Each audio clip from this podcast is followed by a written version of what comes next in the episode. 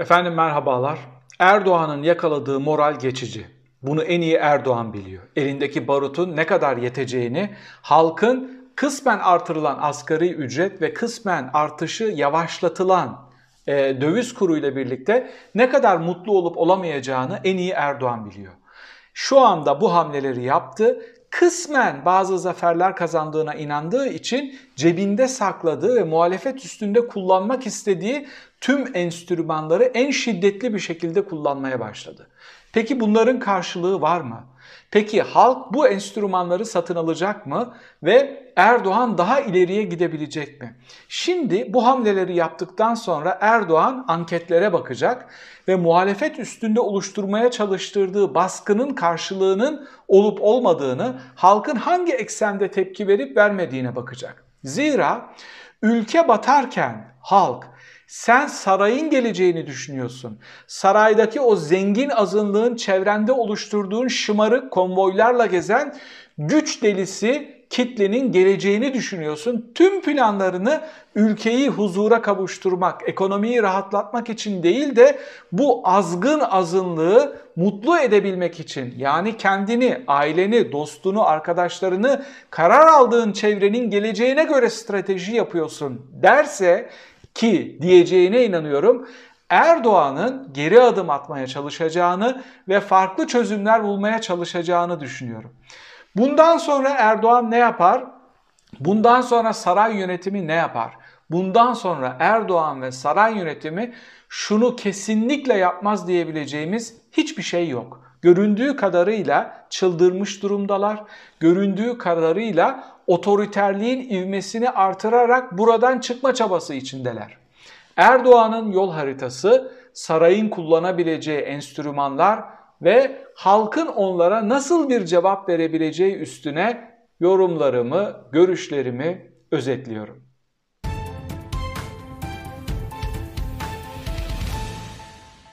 Çöküşün ivmesi arttıkça halk Erdoğan'ın yakasına yapışırcasına şunu soracak. Biz batıyoruz, biz açlık içindeyiz, sen nelerle uğraşıyorsun? Sen nelerle uğraşıyorsun? Muhalefeti dizayn etmeye çalışıyorsun. Çok küçük bahanelerle çatışma çıkartmaya çalışıyorsun. Bakın kullandığı terimler ve kavramların hatta en baskın ekonomik e, söylemlerin bile hiçbir karşılığı olmadığı ortaya çıkıyor.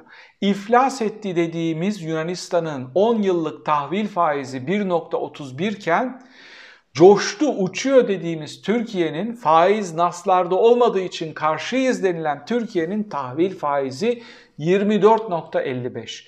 Dünyanın en batık ülkelerinden kat kat yüksek faizle borçlanan bir iktidarın ekonomiyi düzeltme, faizi düşürme, kuru frenleme, enflasyonu aşağıya çekme gibi bir şansının olmadığını, bu konulardan hiçbir şey anlamayan halk bile görmeye başladı. Ne yazık ki çöküşten sonra görmeye başladı. Ne yazık ki açlıktan sonra görmeye başladı. Ne var ki elindeki güçlü medya ile birlikte geçen sene 7.66 olan doları bu sene 12'de tutabildiği için kendisini kahraman olarak lanse edebilen, pazarlayabilen bir Erdoğan var. İddialarının tamamı çöktü. Faizler düşerse piyasada enflasyon düşer ve müthiş bir rahatlama olur dedi. Hazineyi boşalttı, dövizin tamamına yakınını borç hatta üstüne borç yaparak bozdu. Kendi PR'ı için kullandı ama ne enflasyon düştü ne fiyatlar düştü hatta zabıtalar marketleri basıyor komünist ülkelerde gibi ki gibi fiyat belirlemeye, fiyat avcılığı yapmaya çalışıyor. Halbuki serbest piyasada zaten fiyatı equilibrium belirler. Yani talep ve arz arasındaki noktada fiyat kendiliğinden belirlenir.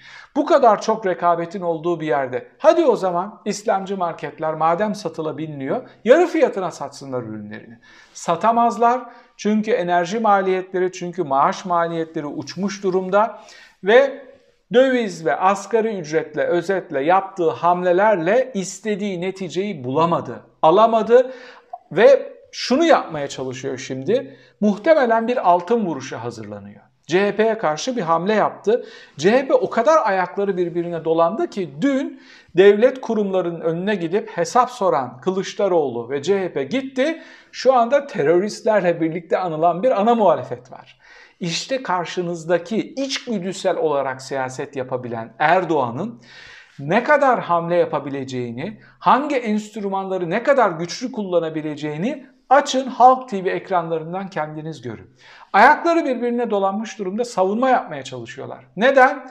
Şundan dolayı karşınızda bir hukuk devleti yok. Karşınızda bir bağımsız yargı yok. Bunların altını tamamen çizerek Erdoğan'ın kullandığı rejim dilinin ötekileştirici, terörist, işte iltisaklı bilmem neli kavramlarını kullanmasaydınız bu rejimi kökünden tüm kurumlarıyla birlikte otokratik olarak ilan edip, reddedip onun diliyle konuşmasaydınız bugün çok daha rahat savunma yapabiliyor olacaktınız. Şöyle diyecektiniz. Bu rejim, bu rejim ve tüm kurumları tek adam rejimidir ve bir liderin iki dudağı arasından konuşmaktadır. Dolayısıyla hepimizi terörist ilan edebilirsiniz ama yenileceksiniz.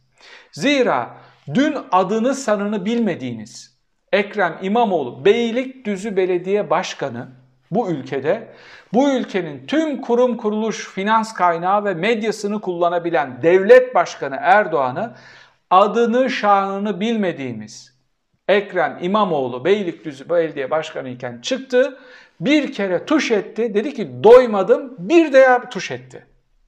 Adını biliyor muyduk Ekrem İmamoğlu'nun? Hayır. Bu ne anlama geliyor? Erdoğan böyle devam ederse muhalefet sadece değerler üstünden, evrensel değerler, demokrasi ve hukuk üstünden bir savunma yapsın. Hiç adını, şanını bilmediğimiz biri çıkacak. Erdoğan'ın karşısında büyük bir zafer kazanacak. Erdoğan bunu göremiyor. Erdoğan'ın göremediği içine düştüğü, içgüdüsel siyaset yaparak sonuç almaya çalıştığı durum bu. Şimdi hamlesini yaptı Erdoğan İmamoğlu konusunda ve anketlere bakacak. Halk ne düşünüyor? Benim bu yaptığım hamle ne anlama geliyor?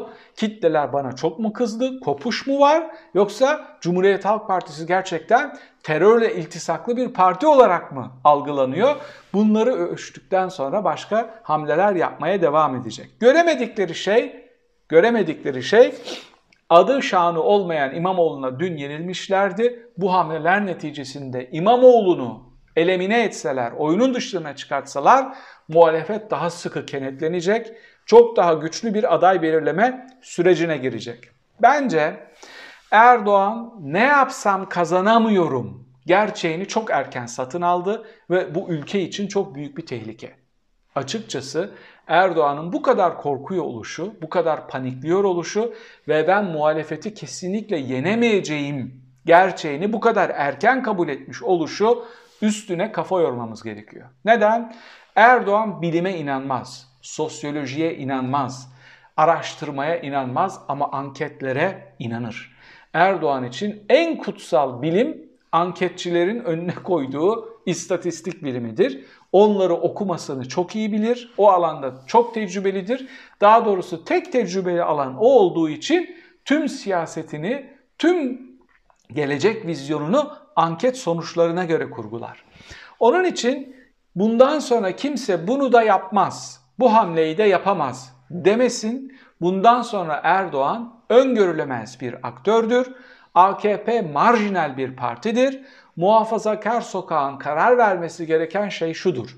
Ben bu öngörülemez ve kontrolden çıkmış tek adamın yanında mı duracağım? Ben bu marjinal AKP'nin yanında mı duracağım? Yoksa ülkenin geleceğini düşünerek farklı protest bir yere mi yöneleceğim? Yani bunlarla aynı uçuruma uçmak zorunda değilsinizi muhalefet bu muhafazakar kitleye işlemek zorunda ve onun korkularını kısmen almak zorunda. Muhafazakar aydınlara da çok önemli bir rol düşüyor. Bakın bu ülkede çıkıp ileride konuşabilmek, sokağa çıkabilmek için size şunu söyleyecekler. O gün ne dedin? Bu ülkede KPSS birincisi olmuş çocuklar mülakatta elenirken, onlara deli saçması sorular sorulup elenirken, TÜGVA bilmem ne vakıfları, Bilal'in Sümeyye'nin vakıfları üstünden referans getiren ahmak insanlar en güzel pozisyonlara yerleştirilip 2-3 maaş verilirken sen neredeydin? Hangi tepkiyi verdin? Nasıl bir karşı duruş sergiledin? Bunları yapmadığınız sürece bu ülkenin geleceğinde söyleyebileceğiniz, çıkıp konuşabileceğiniz hiçbir şeyiniz olmayacak. Hatta şunu söyleyeyim, ileride hukuk demokrasi de dilenemeyeceksiniz. Bakın 28 Şubat darbecileri size hamle yaparken bu ülkenin sol, sosyalist, sosyal demokrat, seküler aydınları çıkıp sizi savunuyordu, savunabiliyordu. Hangi zeminde? Hukuk, demokrasi ve bireysel özgürlükler zemininde savunabiliyordu. Siz bunu yapmadınız. Siz o aydınlar için çıkıp aynı rövanşist ama olumlu anlamda rövanşist çıkışı, duruşu sergilemediniz. Onun için ileride de demokrasi ve hukuk dediğinizde bugün nerede durduğunuz sizin suratınıza çarpılacak çok sert bir şekilde. Muhalefet tarafından değil, çocuklarınız tarafından. Çocuklarınız yakanıza yapışıp size hesap soracak. Baba nerede durdun? Anne sen o gün nerede durdun diye size hesap soracak. Soru şu Erdoğan için ülkeyi ve kendinizi yakacak mısınız? Yoksa Erdoğan'ı ve sarayı bir tarafa bırakıp hatta şahsi çıkarlarınızı bir tarafa bırakıp ülkenin normal bir süreçte normalleşme istikametinde ivme kazanabilmesi için roller üstlenecek misiniz? Erdoğan milleti uykudan uyandıracak hamleler yapıyor. Muhalefet bir demokrasi cephesi kuramadı. Bu cepheyi saçma sapan hamleleriyle saray ittifakı kurduracak. O kadar ahmakça saldırıyor, o kadar akıl dışı hamleler yapıyor ki buradan çok daha güçlenen, kenetlenen bir demokrasi cephesinin çıktığını göreceğiz. Sadece üst tabakada partiler ekseninde değil, tıpkı İstanbul'da yerle bir olduğunuz o ikinci seçimde olduğu gibi açlık çeken halk, yokluk çeken halk bu tablo karşısında çok fazla sinirlenecek. Muhalefet de tüm hesaplarını bir tarafa bırakarak halkın istediği bir numaralı adayı aday olarak gösterecek. Siz onu da elimine edeceksiniz. Onlar başka birini daha gösterecek. En son, en son tıpkı Beylikdüzü Belediye Başkanı gibi kimsenin adını bilmediği bir adam bile sizin karşınıza çıkıp sizi dümdüz edebileceği bir zemine, bir eşiğe getireceksiniz ülkeyi. Ben bunu görebiliyorum. Bunu görmesi gereken, bunu muhalefet cephesi de görebiliyor. Muhalefet seçmeni ve tabanı da görebiliyor. Bunu görmesi gerekebilen muhafazakar kitleler, aklınızı başınızı alın. Bu ülkede huzurun, refahın, barışın yanında olun.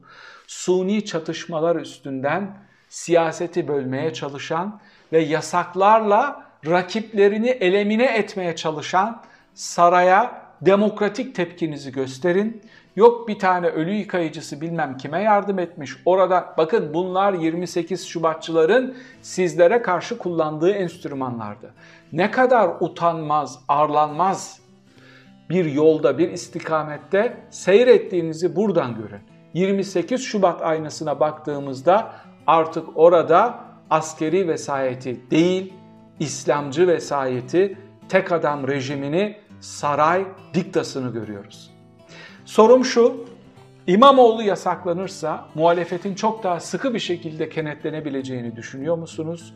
Bu ülkede bugüne kadar oluşturulması geciken, yavaş ilerleyen, çok da fazla mesafe kat etmemiş olan Millet İttifakı'nı büyük bir demokrasi ittifakına dönüştürebileceğini öngörüyor musunuz?